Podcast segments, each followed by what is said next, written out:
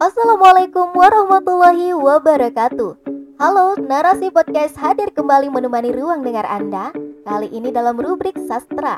Bersama saya Anita akan membacakan sebuah puisi yang memberikan pesan nasihat untuk kita semua yang berjudul Nasihat Kematian oleh Bunga Padi. Ikuti terus selengkapnya di Narasi Podcast Narasi Pos, cerdas dalam literasi media, bijak menangkap peristiwa kunci.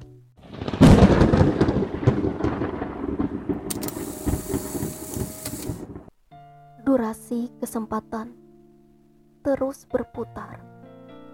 Tengah hari dan petang saling bergantian. Memamerkan wujudnya di alam sekitar semua berpijak pada porosnya dalam batas waktu yang telah ditentukan. Tak seorang pun mampu merubahnya. Di bilik temaram kesunyian, perlahan ku tatap wajah di pantulan kaca. Aku terdiam, bergelut rasa gulana, tampak kerutan di sudut mata Mata bulat yang dulu bersinar ini mulai meredup di balik kacamata. Lisan yang dulu lantang bersuara ini diam seribu bahasa.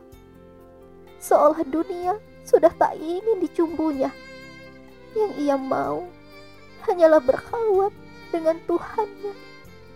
Tubuh yang dulu gagah perkasa kini telah ringkih. Minyak angin menjadi kekasih setianya.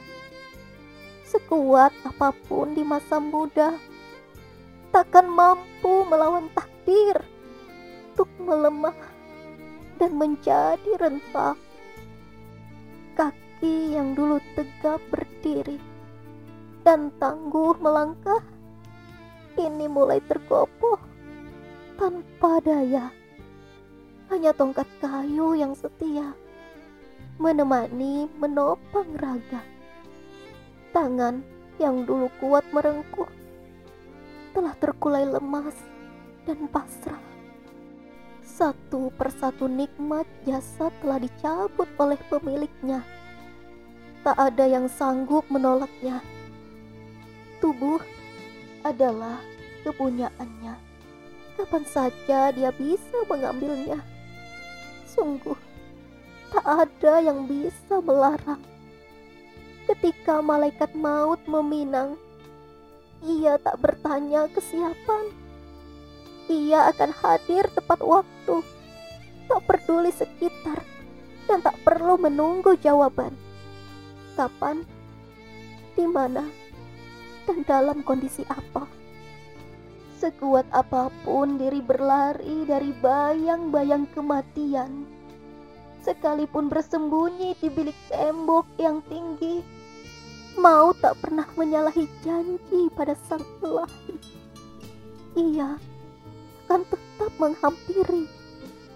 Wahai diri, sadarilah di penghujung usiamu, di saat pintu kematian telah menunggu Jangan pernah lengah sedikit pun dalam bujuk rayu dunia. Sebab kelak segala perbuatan ada pertanggungjawabannya.